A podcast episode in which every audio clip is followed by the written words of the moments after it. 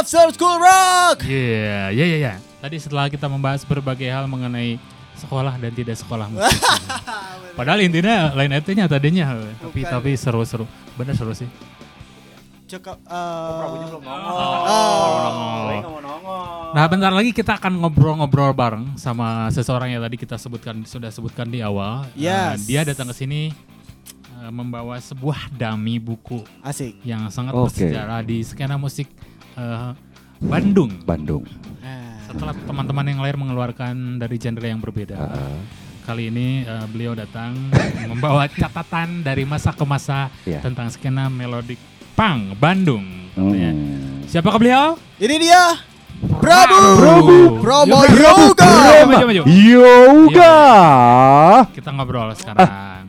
Santai-santai aja. Uh, uh, uh, Oh, iya, uh, iya. uh, uh, uh, uh, uh. Ah halo. Ah, Oke. Apa kabar, Prat? Alhamdulillah masih hidup. Alhamdulillah bisa melewati semua pandemi ini dengan Eh, baik. pandemi, emosi dan juga agresi dari banyak orang ya. Wow. Iya, iya, iya. Oh, padahal kita belum nanya apa-apa. Sudah sudah curhat Udah aja. udah anget. Sudah langsung. Itu tapi belum di-record kayaknya. Udah. Eh belum iya. Bulat ya. Ah. Oke, biasa di sini kayak gitu. Tapi kita wallpaper handphonenya sama Green Day ya. Asik, beda album tapi. Iya sih, orang Iya. ngomongnya orang dukinya. Nah, kalau saya insomnia karena emang lagi stres ya akhir-akhir ini. Nah, udah curhat lagi. Oke, nggak apa-apa. Jadi seneng nanyanya. Belum juga dipancing ya. Belum juga belum dipancing ya. dipancing. Aduh. Eh, by the way, ini bukunya yang judulnya Don't Read This sudah la- rilis resmi. ya udah per hari kemarin udah baru terbit umum bisa Oke. didapetin di penerbit sih. Ya. Di toko-toko buku. Distribusi menyusul kemungkinan bulan depan paling telat ya masuk. Oh, Oke, tapi launchingnya belum ya launchingnya. Launchingnya, nah ini bisa di-spill di sini kali ya, 24-25 Juni di Bandung pokoknya ada launching buku. tapi belum Oke. belum ada tempatnya belum di- bisa dikasih tahu. Kalau Tempatnya rahasia ya, kalau kebanyakan orang nanti repot. Oh gitu. Tapi Oh. nanti mah dikasih enggak hanya invitation aja. Pengennya sih dikasih tahu ya, tapi pengennya orang-orang yang saya pengen datang aja. Kenapa? Kenapa? Kenapa? Kenapa tidak mau Kenapa, semua orang kenapa? datang? saya tidak mau ada orang-orang merusak kesuka kriaan saya.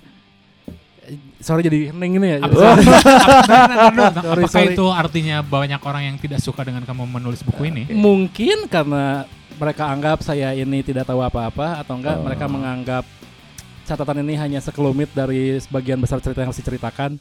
Tapi ya tujuan itu tujuannya itu kan saya nggak nulis lengkap karena kenapa harus saya semua gitu ya. Kalian kan Ah. punya resource lain untuk menulis gitu. Asik. Ah, Oke, oke. paham, paham, Asik. paham. Jawabannya. Yeah. Wise Oke, oke. sekali. Tapi orang pada mikir deh, Wise. oke. Orang mikirnya saha, nutur resepnya saha. Banyak banyak banyak. Dilisasi, ya sih. Keras ya.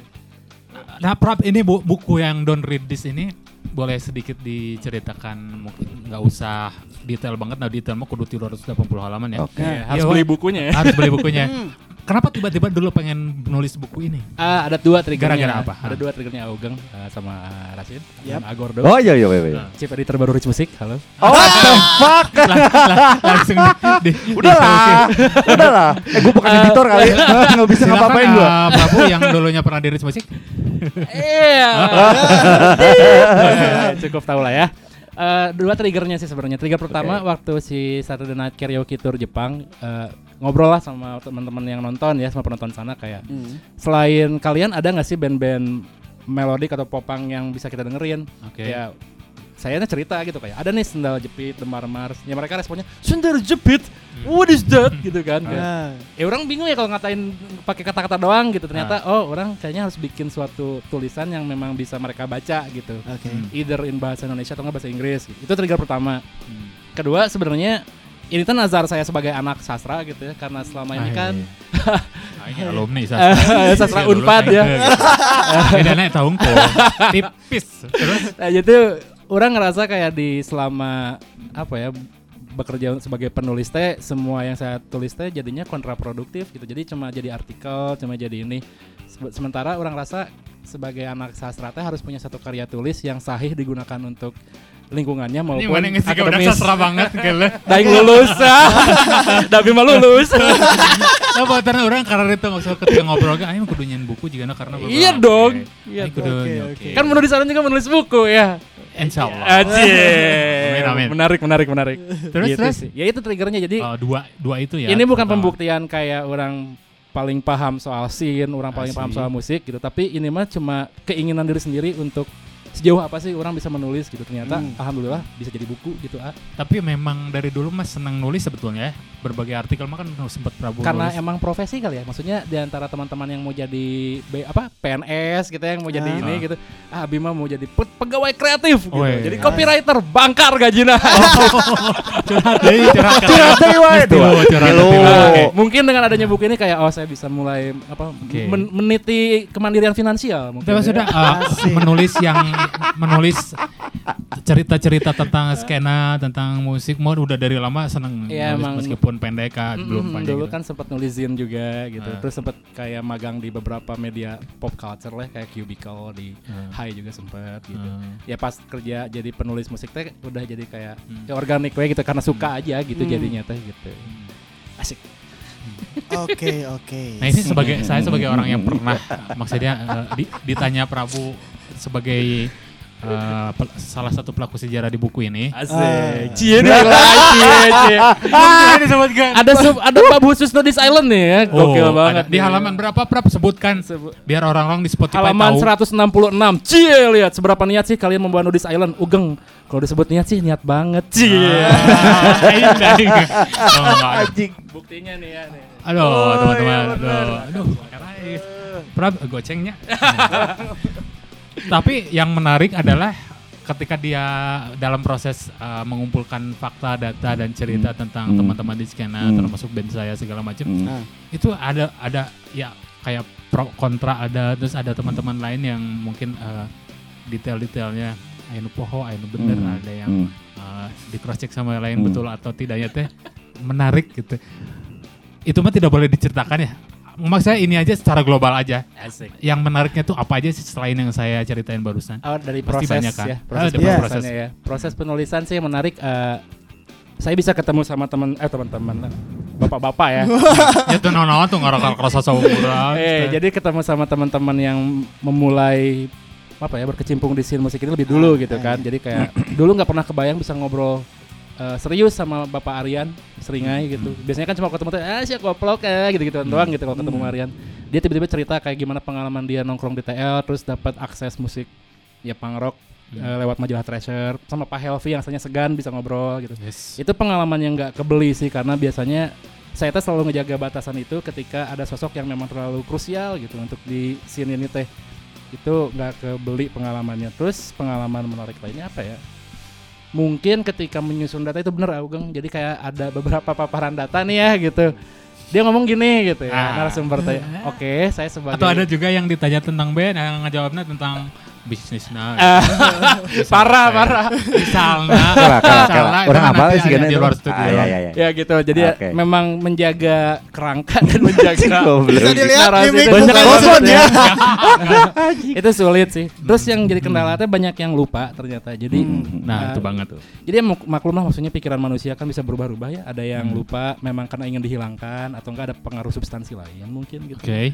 Atau enggak memang dihilangkan karena dia tidak mau mengingat kejadian itu gitu. Oh, ada juga maksudnya Ada, uh, jadi pure- pure yang lupa aja. Pure lupa ada gitu. Itu Ah. jadi PR juga karena ketika ingin mengcross check satu data dia lupa eh, malah jadi bias kita diceritain. Iya. Jadinya kayak ini bener nggak sih sahih nggak sih dia ngomong Hmm. itu nggak sih gitu. Hmm. Itu jadi tantangan tersendiri sih kayak gitulah kurang lebih. Oke, oke, oke. Tapi kalau kalau menurut uh, Prabu kota lain udah ada belum yang bikin uh, maksudnya cerita tentang skena melodik pang atau popang di kotanya dia atau baru Bandung aja yang pertama bikin? Jadi usut punya usut ya ternyata sebelum saya nulis teh Bang Norman yang nulis buku ska, Bang Abirula yang nulis Oke. buku ska Jakarta, Ah, I Wanna ah. Skeng. Hah? Dia udah mulai nulis duluan soal scene melodic hardcore dan melodic punk di Jakarta ternyata. Tapi Hah? entah karena apa eh, nggak jadi dilanjutin. Akhirnya ya udah saya duluan yang maju nih sama buku ini. Jadi Ah. insya Allah kalau memang ada karya lain, eh ada karya yang sebelum ini, saya nggak tahu ya. Tapi sejauh ini kayaknya yang membahas spesifik tanda kutip melodic punk kayaknya ini deh kayaknya ya. Kalau dulu mah uh, Idar mah hanya tentang indie le- indie, Indie label aja, kalau indie Ida labelnya, dan ya, dia Ida. ngebahas soal Pure Saturday dia autobiografi kan Oh iya iya, iya, Iya. betul, betul. Oke begitu.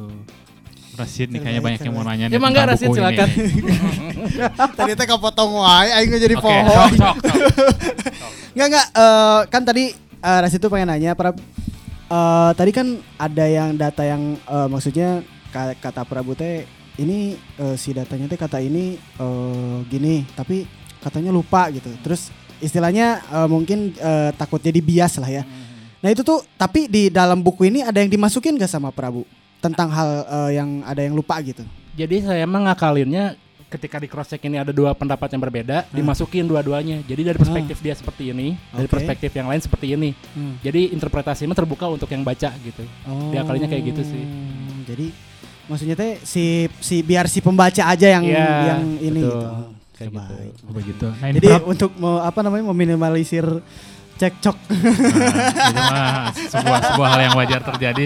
Nah, Prab ini kalau kalau baca ini kan si tulisannya catatan melodik punk Bandung dari masa ke masa. Nah, ini Ya. kan nggak detail masanya tahun berapa sampai tahun berapa bisa tolong di-share.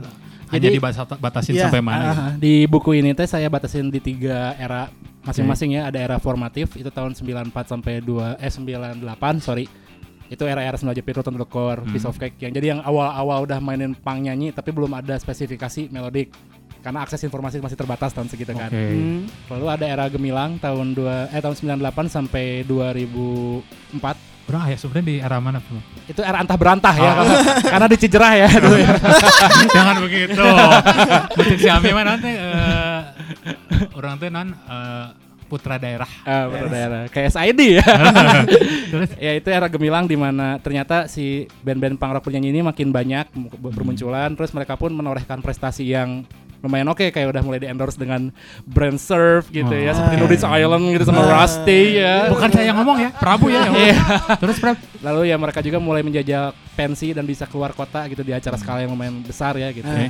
dan era terakhir ini era dubious era du- dubious itu kalau di KBBI artinya eh, gamang galau dubious itu Oke. jadi era kegalauan di mana melodik teh mau lanjut nggak sih atau dia malah berhenti karena ada fase di mana band kayak Rosemary ma- balik balik lagi Hmm. like Father like Son balik lagi kan kayak wah melodik rame deh gitu. Oke. tiba-tiba jos emo meledak power pop meledak, oke. indie festival indie yang disponsori oleh Rokok itu Ah. meledak. Akhirnya keniscayaan zaman soal musik Itu itu tahun berubah. berapa yang masa itu Dubious The itu Boys, 2004 sampai 2008. 2004 Hmm. Tapi jadi kalau boleh dibilang kalau tahun man mulai dari tahun 94 98. sampai 2008 kurang lebihnya ya. Kalau itu kerangka si melodiknya ya. Ah. Tapi kalau saya narik ceritanya emang dari 80-an akhir. Ketika Oh, bagaimana Oh. si sound melodik ini bisa eh, mendarat ke Bandung gitu. Oh, Lewat jalur mana aja sih gitu. Oke, oke. Hmm. Berarti lengkap banget ya.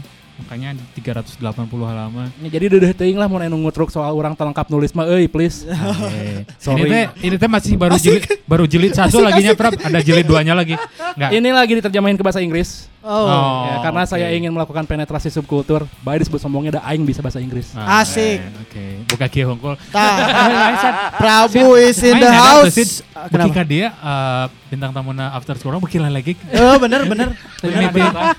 Si Iyas, Ya. si si Yep. Iya. Oh, Iya. komo si Yep. Si Papa, komo si Papa. Si Prabu seruan ada kieu. Ah, wacana wacana. Tapi menariknya 380 halaman ini. Ini diterbitin sama Eh, buku nama penerbitnya Bukune orang Jawa ya, Bukune. Bukune Eh, lebih ke ngondek ya sorry. Eh maaf maaf maaf. Enggak, sorry, bukan, sorry, bukan. Kalau kalau orang Jawa kan ibune, ibune, bukune Oh, iya, iya, gitu. sorry, Maksudnya ceritain kan onde. Seksis banget jadi parah. Maaf teman-teman. Oke, Gitu. Prab. em, sebenarnya eh, Prabu eh, maksudnya latar belakang atau pesan kenapa Ra Prabu bikin si Don't Read This ini pesannya apa sih? Oh, tujuannya kali ya? Ya, Dari ya, ya, tujuannya. ya, ya, bisa. Ya pertama itu saya ingin mandiri secara finansial karena saya capek bekerja di korporat gitu. Jadi Oke. nulis buku teh kayaknya salah satu opsi di mana saya bisa mengembangkan intellectual property ini gitu. Dari Ah. buku mungkin bisa jadi retail, bisa jadi karya multimedia entah itu dokumenter atau apa gitu. Hmm. Kedua, ya saya hanya ingin mencatat aja kayak Bandung teh masih banyak eh, kolam-kolam kancah musik ataupun subculture gitu ya Hmm. yang belum tercatat secara eh, literatur tekstual. Oke. Kan sekarang eranya di mana orang-orang tuh bikin podcast kalau enggak bikin dokumenter ya, film Hmm. gitu. Tapi ini mah idealisme saya aja gitu sebagai yang memang kuliah di sastra, Hmm. runutan akademis yang paling sahih itu menurut saya mah buku. Karena sampai kapan gitu ya sampai kapan pun buku itu bakal tetap relevan sampai akhirnya ada sanggahan soal buku itu lagi gitu. Karena diskursus Hmm. akan terus berjalan kan Hmm. dan dia tercatat secara akademis dengan sahih itu sih motivasi saya kenapa pengen bikin buku teh gitu. Gitu sih.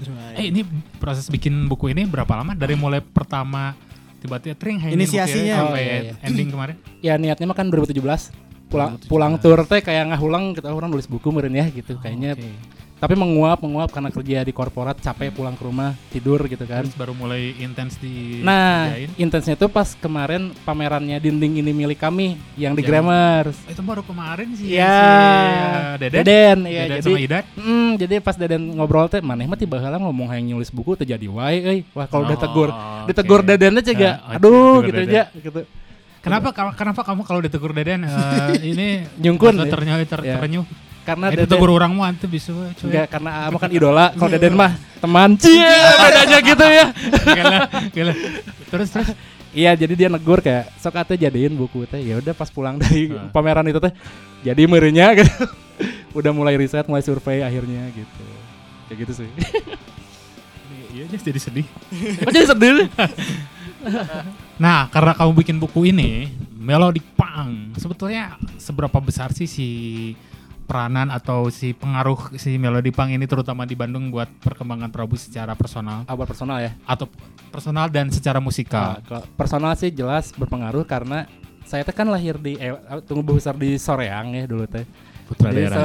Putra Wah, sarua. Jadi mungkin. Agordo juga tahu ya kita di Soreang teh eh, tumbuh besar dengan band-band yang di apa ya di nuansa musik street punk gitu, ya, keras punk, black metal gitu kan banyaknya.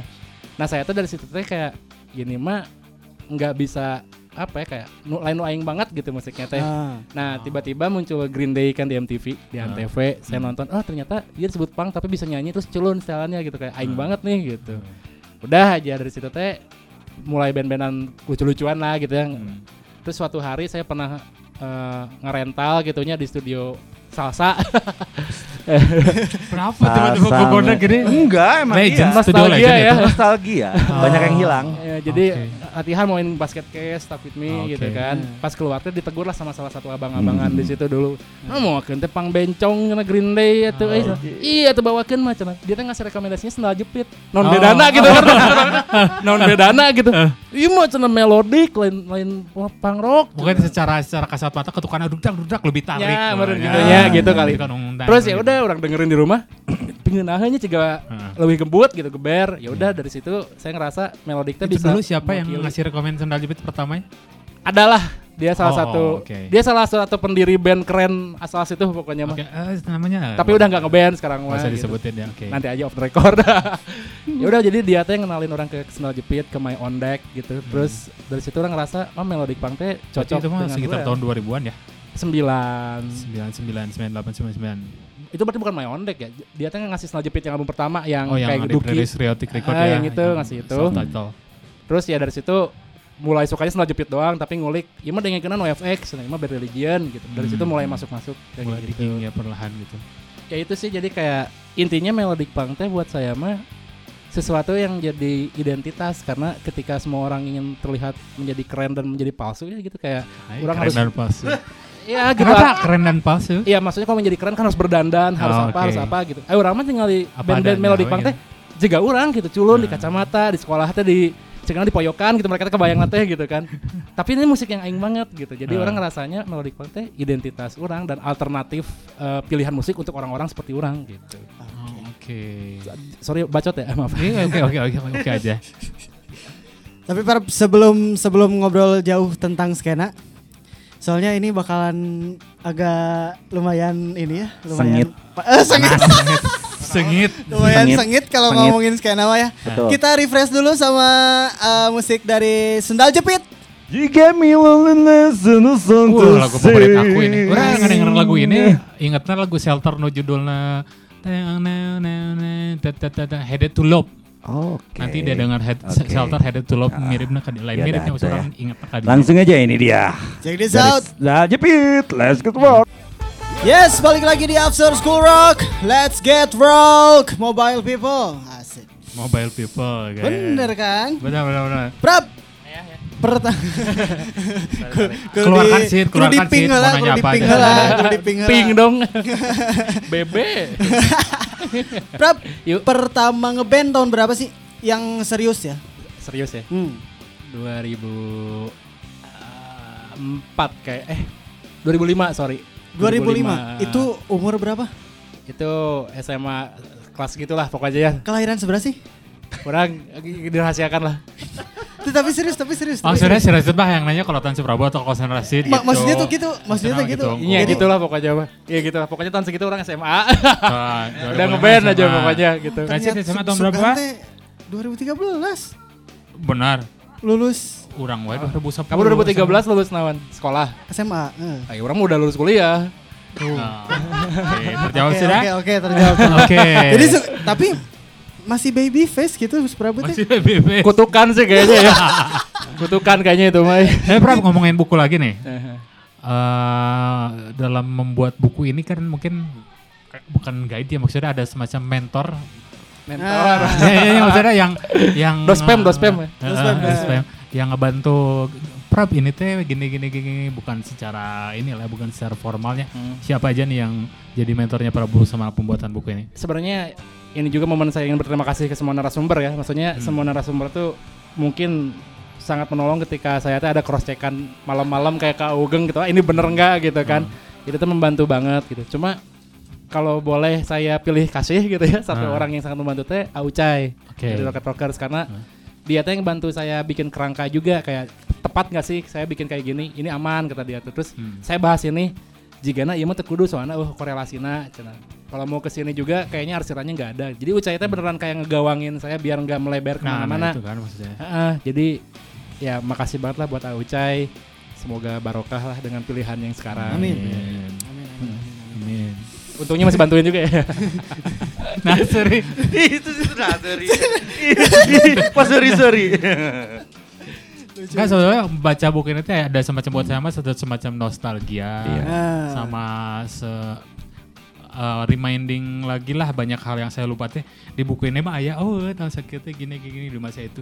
Dan itu teh dari sudut pandang saya mah sebagai pelaku dulu teh hanya di circle-nya Nudis Island lah kurang lebih dengan dengan uh, sebelah sebelahnya lah.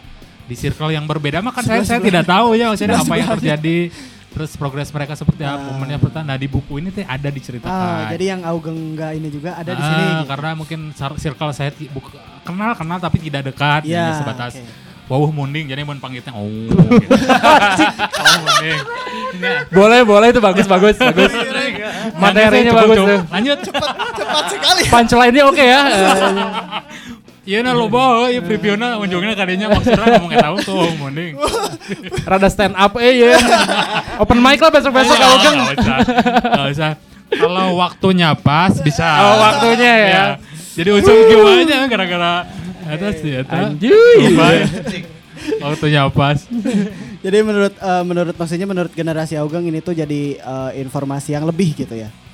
Maksudnya teh eh, kan dari Augeng eh, no- circle-nya itu dan sebelah sebelahnya katanya Ah. katanya tadi terus yang Ya, circle yang pasti. lain Pasti ada di sini gitu. terutama ini yang yang paling saya sebut penting itu buat generasi mendatang Nah, ya, itu. buat adik-adik Nah, betul. Jadi yang angkatan- sekarang masih dikandung mereka harus baca tuh Ya, bener kudu stand up ya Mas. Augeng ya. Bener. Kalau mata iya nggak tilo tilo kelas ya.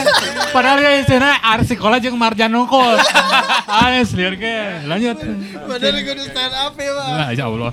Nah itu. Jadi maksudnya untuk generasi-generasi yang sekarang kayaknya eh, wajib deh buat eh, buka bukunya Prabu gitu. Jadi generasi kayak generasi Rasid gitu ya. oh yang ngomong-ngomong generasi ngomong-ngomong generasinya Generasi nah terlena. nah ini, bener. ini kan ini kan eh, masa dua hampir 2000-an sampai 9 eh, 90 dari ya. 94-an sampai 2008-an ya. Di close di tahun segitu kan di setelah du, du, Du Bois itu. ya du- dubious Du- dubious Dubious. itu masih bagian dari skrip itu. gimmick gimmick ya ya beres beres periode itu. Terus kan generasi selanjutnya eh, menurut Prabu apa yang berbeda dari generasi sekarang sama generasi yang ini kenapa eh, Prabu tuh milihnya buku di- sampai ke generasi ini nggak setelahnya nggak dibikin sama Prabu padahal kan mungkin karya mereka sama bagusnya lebih keren lebih soundnya lebih kumal lebih bagus Eh, kalau ini pandangan pribadi ya, jadi Iya. don't take it for granted lah gitu. Asik. setelah 2008 itu ada dekadensi di mana terminologi melodik mulai ber, di, kurang diminati karena ada istilah baru popang kan. Nah Oke. jadi setelah ada istilah itu tuh mau apa ya bukan nggak mau nggak mau sih secara musikal pun para pelakunya pun mulai mengarah ke arah itu gitu entah saya nggak mau suzon tapi ada beberapa faktor mungkin kayak faktor komersil ada faktor tren Hmm. ada faktor relevansi gitu Hmm. jadi perubahan sub apa perubahan subgenre ini menuju lebih pop teh eh, lambat laun kayak mengikis melodik ini yang udah punya parameter drum ngulek Kalau Kalau kalau di gitu-gitu. band luarnya di luar negerinya sebetulnya sama juga kejadiannya dari si atau hanya di kita maksud dari eh, istilah melodik berubah menjadi pop dan orang-orang menyukainya jadi popang bukan melodik di luar juga sama atau hanya di Bandung aja atau di Indonesia? Kalau secara musikalitas mah kan dari tahun 2004 2003 juga band-band kayak The Ataris udah mulai Hmm. merubah soundnya jadi emo Betul, kan. ah, ah, Hmm. Terus gelombang Drive Thru Records gitu New Found Hmm. Glory Further Sims Forever udah mulai kayak infuse emo gitu kan. Iya. It, mereka udah udah jauh lebih dulu sebenarnya di Bandung tuh. Hmm. Cuma mungkin karena Indonesia kan akses informasi tahun segitu masih sedikit. Ya, jadi lambat. Bari, jadi ya. baru tahun 2008 nih ketika ada satu band yang mempopulerkan sound baru yang pop ini baru Ah. musimnya tahun segitu gitu. Oke.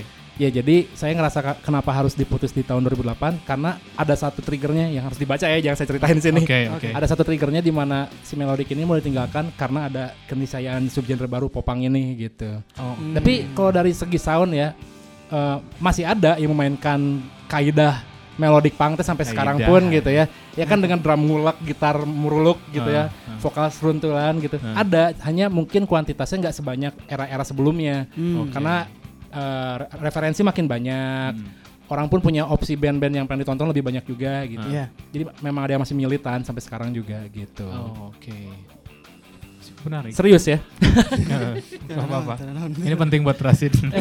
benar benar benar. Dan Pura-pura Rasid. da, da- au, kenapa tadi Rasid nanya kayak gitu? Karena Sugan teh sa- seangkatan ternyata wow Oh. gitu Ya ternyata. emang dulu dulu pas si Prabu eh, ku- lulus SMA, saya hanya satu tahun setelahnya aja. Oh. Ini mulai rada garing jokesnya. Tolong belajar dulu sama Uus. gagal, gagal, gagal. Belajar dulu sama Uus. Deh, minum deh. Sama Gilbas. Belajar dulu lah. Aduh, serius dia tuh ah. Tapi lucu sih pas eh, kamu udah ngeband sama band yang sebelumnya. Eh, oke. Kamu sudah di panggung besar gitu. Saya masih main gigs gorong-gorong tahun segitu. Studio studio showan gitu. Eh. Main di Jakarta karena Nah ini lucu juga kayak ketika transisi melodik ke popang ini Hmm. Musik yang saya mainin sama band saya teh terlalu usang ternyata jadi kayak Hmm. mau main di acara popang menaun rada gabag-gabau cenah musiknya euy gitu yang kan. Prabu mainin mah m- masuknya ke melodic punk menurut Enggak, Prabu. mah. eh, kalau mau garis besarnya sebenarnya punk rock ya. Iya, Tapi iya. kan tahun 90-an teh musik yang saya mainin teh popang it tai sih konflik dia ngomongin popang ya. Cuma ya, Eh, menarik, menarik. Capek ngejelasinnya anjir.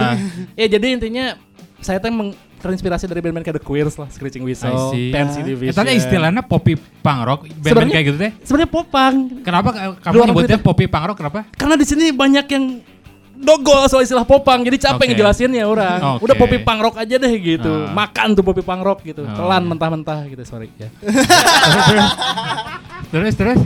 Iya, jadi tahun itu teh ya itu ketika ada transisi musik seperti itu, band-band yang usang entah itu melodik, entah yang ya skate punk atau yang punk rock rada nyanyi teh tergeserkan karena udah mulai ada subgenre baru popang ini yang lebih diminati Hmm. oleh industri arus pinggir main di Oke. suatu festival musik, eh, main di festival clothing ya enggak sih?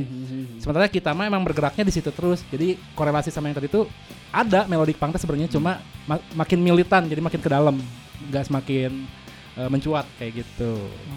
Oke. Gokil. Ini mendalam. Ini lebih mendalam nanti di bukunya teman-teman. Iya. Jika ini lebih jero daripada tadi synchronize radio deh.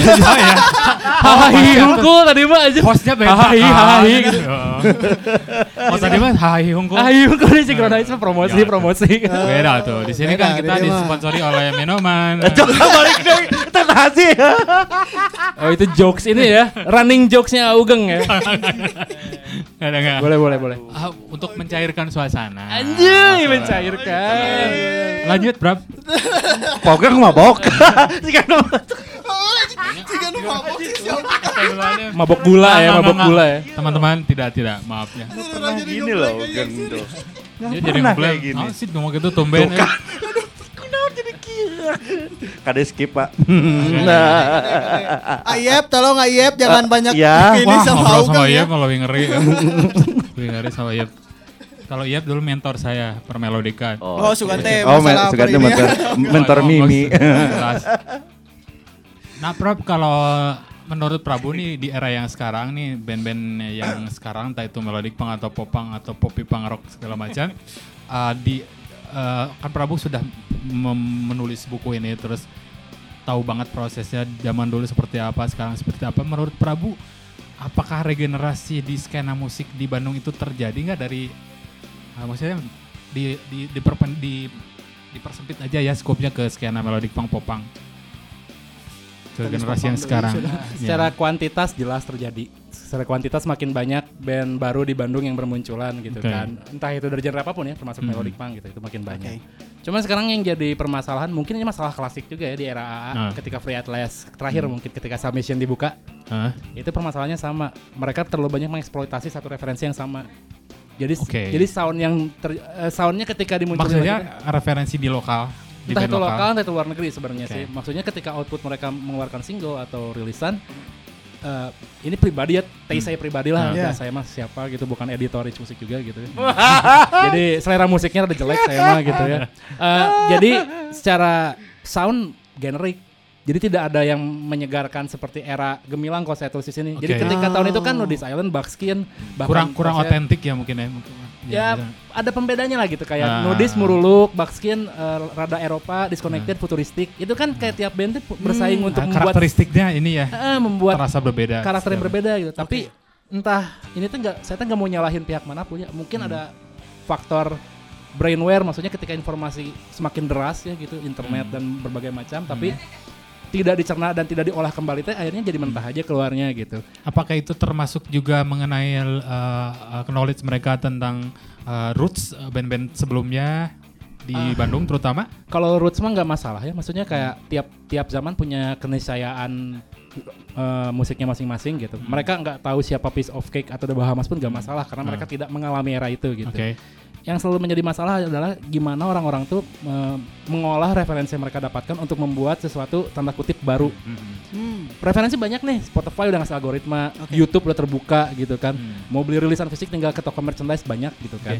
Tapi apa yang kamu dapatkan dari situ gitu selain cuma dapat prestise banyak referensi, kenapa tidak dibuat menjadi karya yang baru, Hmm. seautentik mungkin meskipun referensinya banyak gitu. Iya. oke Itu sih yang jadi apa yang jadi bukan kegelisahan juga sih, jadi kayak pengamatan saya aja lah gitu. oke oke Ay gelisah mah enggak ada biarin aja mereka gitu mau ngeband kayak gimana. Tapi nyawayahna gitu dengan hasil referensi kamu seperti itu, ya seperti inilah sekarang gitu yang kita hadapi. Oh, oke. gitu. Menurut Bapak itu terjadi hanya di Bandung atau di kota lain juga sama di Indonesia di kota lain? Jakarta, Malang, atau Jogja atau Untuk si Pang bernyanyi ini ya, Ya. Ya. Pang bernyanyi sebenarnya aduh ini rada rada problematik sih. Oh, ngarana ya problematik. Oh, ayeuna mah Diganti ganti jadi propagandi, ya. Padahal problematik kan? Soalnya takut banyak problem ya Oh, jadi dia karma. smart gitu propagandi. Di kota lain sebenarnya kurang lebih sama ya maksudnya eh, dalam skala yang lebih militan dan bawah tanah ya sama gitu kuantitasnya banyak tapi soundnya seperti itu gitu Hmm. kasarnya kayak gitu justru yang menarik regenerasi musik baru di Indonesia teh datangnya dari si se- segmen musik yang lain entah itu Misalnya? emo misalnya Oke. emo teh kan selama satu dekade ke belakang perubahannya menarik gitu dia Hmm. mulai ng- ngabungin unsur shoegaze ngabungin unsur grunge gitu Hmm. dia dari band-band kayak Turnover, Title Fight Hmm. eh, yang kayak gitu-gitu itu teh diaplikasikan dengan baik sama band-band Indonesia gitu. Nah, yang menarik ini si Melodic Punk kenapa di situ terus gitu? Apakah ada eh, keterbatasan informasi? Kayaknya nggak mungkin. Nah. Atau enggak memang memprosesnya saja yang salah gitu. Hmm. Tapi kembali lagi itu mah pilihan gitu. Ah. Tapi dengan pilihan itu ya seperti inilah sekarang kondisinya gitu. Konsekuensinya seperti itu gitu. Oke. Gokil ya omongan saya ini banyak bohongnya sih sebenarnya sih. Dari tadi sih ngebohong doang biar kelihatan pinter sebenarnya sih. Eh, siapalah saya ini. Jadi ketawa mulu. Nah, Harus propaganda. Setelah bikin buku nih, kan sekarang Eh. beres, bukunya udah beres, udah eh, laris manis lah di mana-mana gitu. belum belum belum. Oh, belum ya? Belum bisa beli mobil kayak Pamungkas ya. Oh. Ya, belum bisa nih. Berarti targetnya bisa kebeli mobil ya. Amin gitu. Amin. Minimal ya. Alphard mah Amin gitu nggak ya. diaminin nggak? Mau pindah negara aja lah daripada beli mobil. Ong- ongkos pindah negara aja lah. Nggak masalah gini, Prab. Setelah buku ini dirilis, kemudian eh, nanti insya Allah responnya ya, Amin. Amin, baik ya, gitu. Amin ya. Sebetulnya apa sih yang Prabu harapkan eh, setelah dari Pra- Prabu pribadi ya? Setelah buku ini keluar dan dibaca orang-orang. Ada harapan terhadap bukunya ya berarti ya. Oke, dari buku aja dulu. Harapan terhadap dari buku ini. bukunya. Hmm. Semoga buku ini dimanfaatkan dengan oleh orang yang tepat, sorry, oleh orang yang tepat ya. Jadi Oke. kayak ini bukan sebagai dia, dia bilang itu dimanfaatkan oleh orang yang tepat. Jadi kayak di film-film mah kalau ini jat, buku ini jatuh ke orang jahat, Iya, kita jadi bisa kayak- bikin betul. wow, kayak Doctor Strange kemarin deh ya. Oh, bisa ngejahatin orang-orang. Jadi kayak kalau di Harry Potter mah Horcrux gitu ya, jadi Voldemortnya jadi galak punya buku Horcrux gitu. Kalau kan. dipegang Rashid kan mungkin jadi orangnya jadi wah, Hmm. ceria, bijaksana. Dipegang Gordo jadi Gordo kesannya jadi gitu beda-beda. Emang beda-beda ya? Eh tapi maksudnya dimanfaatkan dengan benar teh ini bakal insya Allah kalau dimanfaatin dengan benar jadi apa ya runutan yang insya Allah sahih gitu ya ketika Oke. ingin merunut sejarah atau merunut uh, asal muasal ini seperti apa dan implementasikan ke masa ini atau masa depan Yes. semoga bermanfaat gitu kan oleh orang yang tepat gitu. Oke. Jadi bukan sebagai justifikasi uh, akan relasi kuasa atau hierarki Ya, gitu sia, sia, sih. sia. Iya iya. Itu kalau dari buku sih. Kalau apalagi Dari dari dari Saya. Prabu pribadi. harapannya ya saya pengen sebenarnya itu langkah awal saya untuk mengenalkan kancah musik cutting edge lah terutama dari di Indonesia untuk luar negeri gitu karena Hmm. selama kita ya mungkin angkatan Augeng juga ya kita dijejali oleh Lost and Found Records dan Zin Ox apa Oxfam Zin Treasure Magazine kayak gitu-gitu Hmm. Oke, ya. ha. Ini saatnya kita yang nunjukin ke mereka kayak kita pun ini yang ini yang terjadi di Bandung lah minimal Oke. gitu. Jadi mulai dengan langkah kecil ini insya Allah saya juga pengennya sih istiqomah gitu ya. Jadi bisa melanjutkan ke yang lebih luas gitu. Doain aja lah. gitu. Amin. Mudah-mudahan Amin. Ya dijalanin, dijalanin ada Ya, Ya, ya. semoga Tapi aja. memang betul loh, Sid. Jadi kayak saya sendiri ngalamin kalau ketemu orang-orang di luar kota atau di luar negeri, ketika mereka mempertanyakan band-band lain, eh sekarang di Bandung yang namanya apa atau dulu band ini gimana? Aing teh capek mun kudu ngajelaskeun hiji dulu teh band ini teh gini gini teu mungkin oke gitu. Kalau udah ada buku ini kan nanti nanti beli aja di bukunya Prabu, semuanya lengkap kok. Ini linknya. Nah, ini pakai kode afiliasi saya aja. Gitu.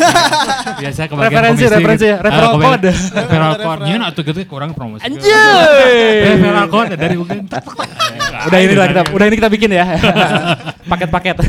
Tapi benar emang banyak orang yang nanya, terutama maksudnya gini, eh ketika itu terjadi di zaman sekarang, di zaman sekarang masih di tahun-tahun sekarang, orang menanyakan kepada saya di Bandung sekarang eh, band apa yang lagi bagus atau band ini ini ini, ini gitu. Ketika saya ya orang mah tuh bisa ngabohongnya, saya bisa bilang ya lu lihat aja di YouTube, di YouTube sekarang yang lagi ramai siapa, ini ramai siapa. Terus pas mereka dengerin, oh ini mah kok gini ya, bandnya ini kok gini.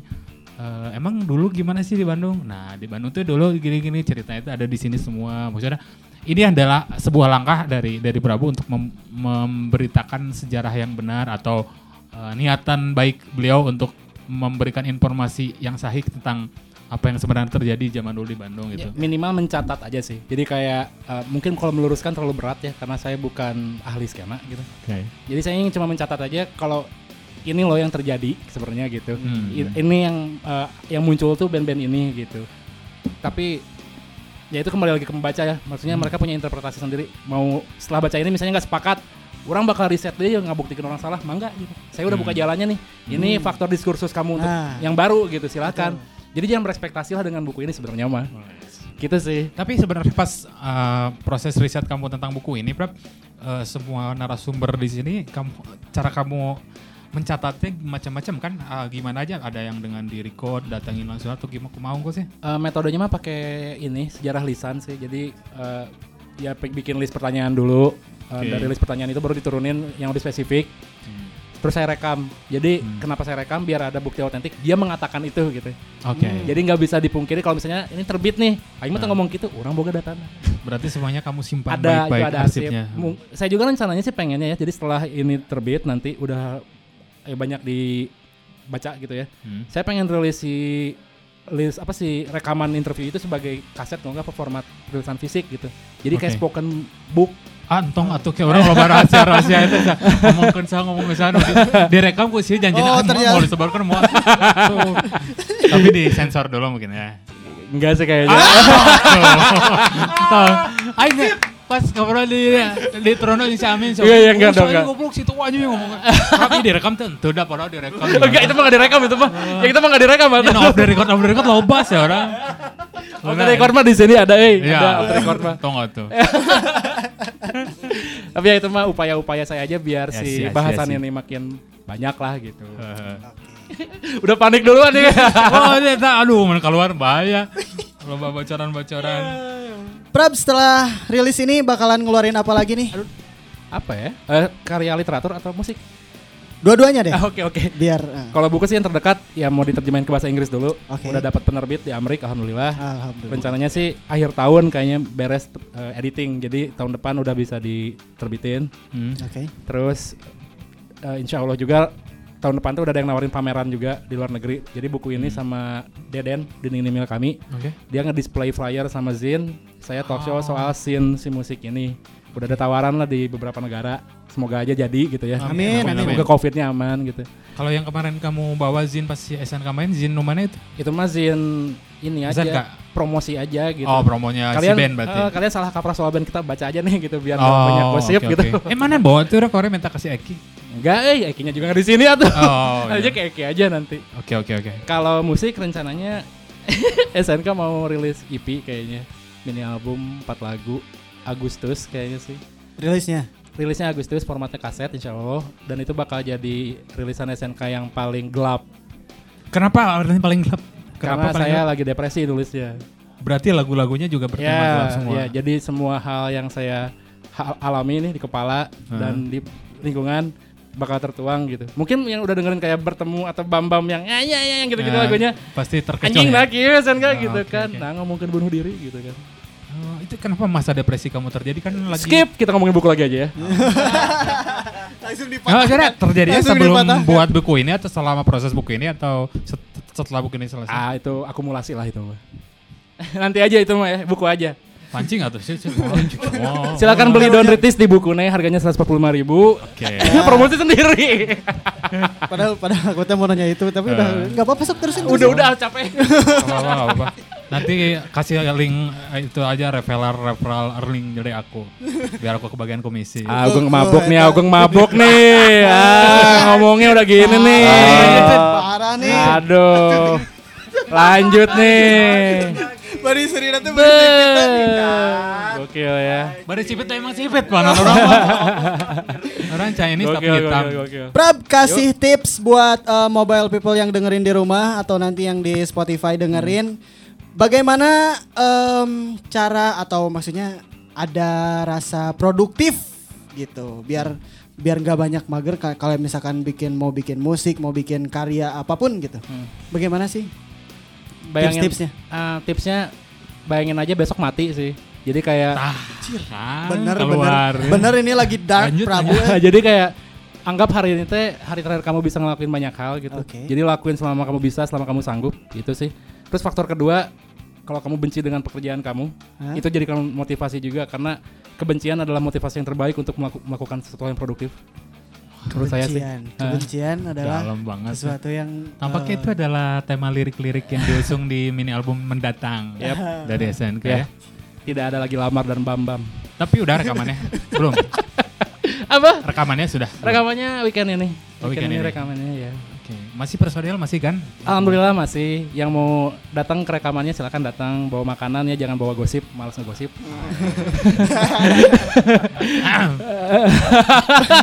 bakal di record di mana nanti Prab? Apa? bakal di record di mana emang nanti? Adalah nanti saya tulis di bio Katanya aja. nyuruh datang. Oh iya, salah ya? Wah, sih? betul nyawa Kita, kita rekaman di Musika Studio Oh, oke. bersama Yan Yuhana. Naon coba ngaco. Yang Yohana mah Sony kali. Eh Sony, Sony Yan Yuhana mah. Iya, iya. Yang Yohana. Di Bandung lah pokoknya tinggal Japri aja lah ya. Oke. Nah, Prab, eh, di share dong ini sosmednya Prabu apa aja nih biar kalau mereka yang Nah, kalau ada orang yang pengen beli, di kumaha carana? si buku lewat apa aja? Nice. Di orang serius naon sih? nanya buku belinya lewat mana hukum caranya? Iya iya iya. Kalau sekarang masih tersedia lewat penerbit langsung. Itu linknya ada di bio saya sama di akun Don't Read This at Don't Read This underscore. Eh, nanti untuk distribusi tiap kotanya menyusul karena eh, lagi ngecek stok dulu nih. Hmm. Soalnya kemarin stok yang Dibikin berapa banyak? 500 untuk yang cetakan pertama. Oh, 500. dulu. Soalnya pas lagi pre-order alhamdulillah ada yang care gitu terhadap aku. Jadi Oh, banyak asik. yang pre-order gitu. Oh, oke. Jadi kemarin sempat kelimpungan si penerbitnya kayak ini kalau mau dilempar wholesale takutnya nggak cukup gitu. Jadi paling aman beli di bu bukunya dulu aja sekarang. Dan baru bisa tersedia di toko buku biasa misalnya di Gramedia segala Hmm, macam. paling- per kapan? Paling telat bulan depan. Paling telat Oh, bulan depan sih. Juli ya paling telat Juli. Oke. Rasid nunggu ada di Palasari sama di Dewi Sartika sama di Cikapundo. Awas ya kalau ngeprint PDF ya. Awas aja deh. Ketahuan lo ntar. Sosmed Prab apa aja Prab? Sosmednya Prabu. Eh, tidak ulah di follow karena banyak ngutruk malam-malam. Akun Instagram saya pra Prapagandi. ya. Oke. Tapi ya follow at your own risk asli. Terus ada band saya juga Saturday Night Karaoke Blah di Instagram, di Twitter juga. Oke. Ya itu aja sih Sama kayaknya. juga. Ya ya ya. Oke. Kenapa dia malas membacakan sosmednya dia sendiri ya? Because I hate stupid people. Ah, Oke oke. Oke. Eh orang jadi inget eh, non, follow with your own risk. Orang pernah pas uh, ulin di Malaysia nya di babatan orang. Jadi ke kayak ke tempat wisata. Naon lah gitu ngarannya. Iya. Enggak, orang Oh, sorry, sorry, sorry. Kirain lagi stand up ini bridgingnya. Nungguin punchline kita Enggak, teh. Jadi orang tuh jadi ya. Jadi. Jadi ada. Gerak-gerak naik nah eh, kayak ke bukit-bukit gitu nya. Menurut orang Lembang lah gitu. Lembang gitu. Wow, jalanan teh benar-benar nikung gitu. Terus orang teh ninggalian sign ya kan di jalan-jalan eh dia teh kayak bilang inilah intinya nama eh silakan naik terus ke atas dengan resiko kamu sendiri gitu teh. Anjing berarti di jalanan juga kumaha aja gitu. Kok kayak keterangan gitu gitu. Oh sudah. Aduh. Kita mah dari mah nyari tahu. Iya rada Lain bridging ke mana? Iya rada stand up amatir di Bobber Cafe ya aja. Jangan nyebutin nama. Oh sorry, sorry. sensor ya sensor maaf maaf maaf maaf. Yaps, mobile people itu dia tadi. Ya, eh percakapan yang sangat melodik. Ya. Absurd ya, Karena absurd. membahas ma- buku melodik bang. absurd tuh karena Augeng yang mabok kayaknya. Mabok nih, Augeng nih. Aduh. bahasanya makan arsikola dan marjan. Eh minum maksudnya. Oh, ngomong aja salah tuh. Ah, gimana sih? Ini episode paling paling paling keren ya. Episode paling keren ini. Hancur nih. Ah, Duh aing. muka merah, mata beler nih. Gimana nih? Ya, karena, Aduh. karena merah karena kita banyak tertawa ceria kan membanyak Coba coba dites. Ini banyak hal. episode keberapa ini? 16. Oh iya, iya. 16 kan, bener kan? Plat nomor Orang berapa macan. plat nomor? Oh, tanya plat nomor orang tak apa. Tak apa, plat nomor sorangan ke orang tak apa. Memang orang tarang apakan plat nomor motor sorangan. Memang beneran serius. Itu kudu ngebahas plat nomor ya. Kalau di parkiran lupa gimana? Enggak, pasti ingat. ingat. Eh, Ya, ya mobile people itu dia. itu dia obrolan seru kita bareng bareng guys anjing closing sih.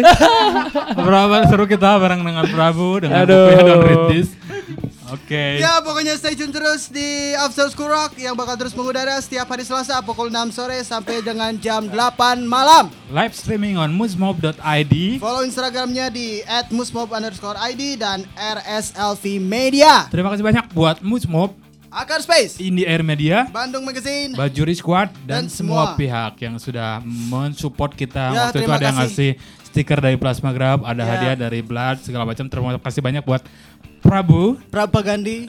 Terima kasih banyak buat minuman yang membuat Augeng mabuk. Ah, saya tidak mabuk. Saya, saya hanya sedang depresi aja. Isu. Berarti kata mabuk di Gokil gokil. Mino drama depresi ya. Yo, tetap jaga kesehatan. Terus berkarya, Mr. Rogang. Sign out. Mr. Rasid sign out. After School Rock. Let's get rock. Musmob Radio. Gas jago bengong. Bye bye.